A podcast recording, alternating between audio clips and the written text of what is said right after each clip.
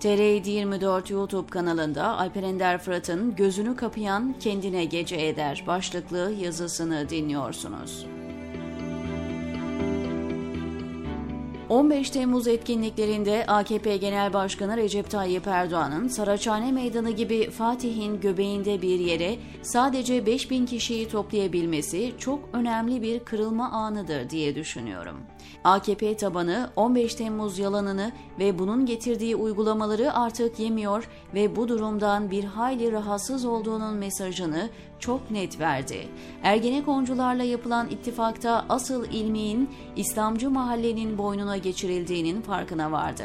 Bu yüzden AKP Genel Başkanı'nın bu yalanı daha fazla sürdürebilmesi mümkün görünmüyor.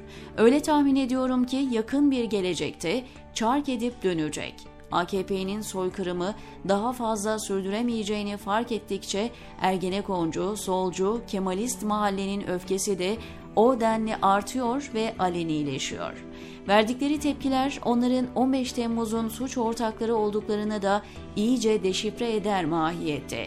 Öfkeleri ve tedirginlikleri arttıkça yalan ve iftira oyununa daha fazla müdahil olup daha çok iş başa düştüğü tavrı gösteriyorlar. Bu da onları gerçeği arayan değil de yalancı algıyla oluşan siyasi atmosferden yararlanan olduklarını bir kere daha ortaya koyuyor.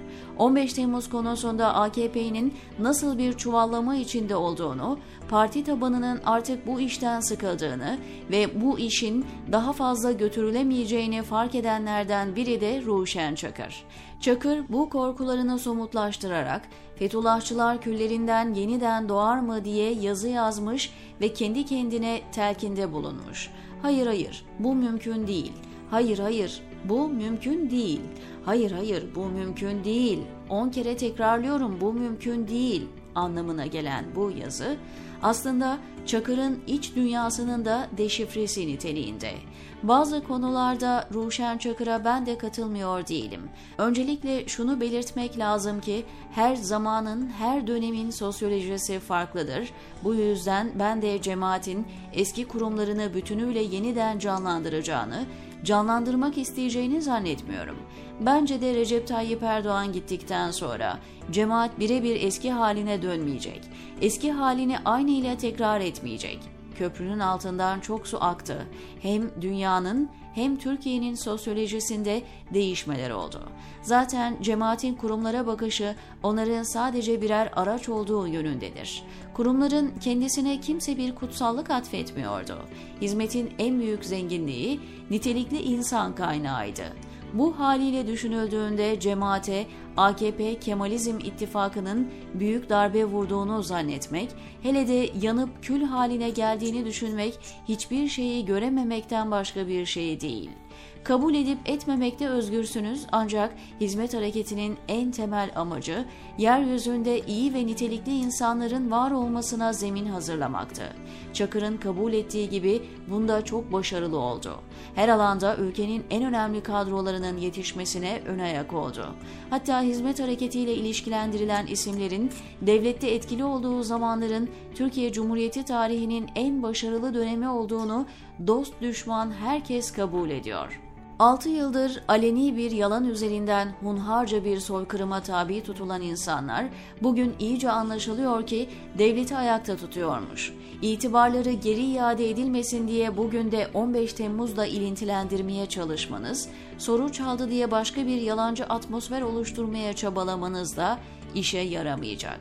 Soru çaldığını iddia ettiğiniz insanlar gitti, güya hak eden kişiler göreve geldiler. Onların yönettiği Türkiye Cumhuriyeti bugün her anlamda iflas etmenin eşiğinde yaşıyor.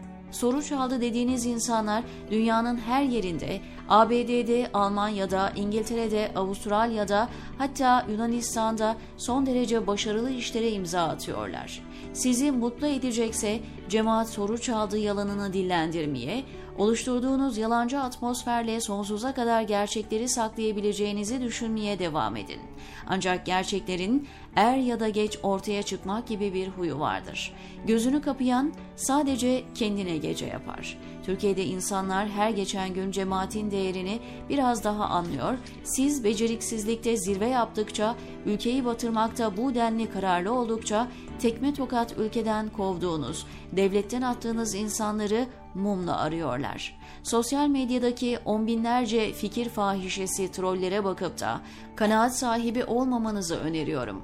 Cemaati devletten attıktan sonra daha iyi bir ülkenin var olmasını sağlasaydınız dediklerinizin hepsi doğru olacaktı. Evet herkes de görecekti ki bu ülkede cemaat yok, o gittikten sonra herkes daha mutlu, her şey daha düzgün, her kurum daha medeni. O zaman itham ettiğiniz her şeyde haklı olacaktınız.'' Ama gel gör ki AKP sizden beter. Siz AKP'den beter bir şekilde hep beraber ülkeyi boğazına kadar çamura batırdınız. 15 Temmuz tiyatrosunu AKP'nin tek başına beceremeyeceğini siz de biz de çok iyi biliyorduk. Onların suç ortağı oldunuz. Nefeslerinin tükendiği yerde sazı ele almanızdan belli.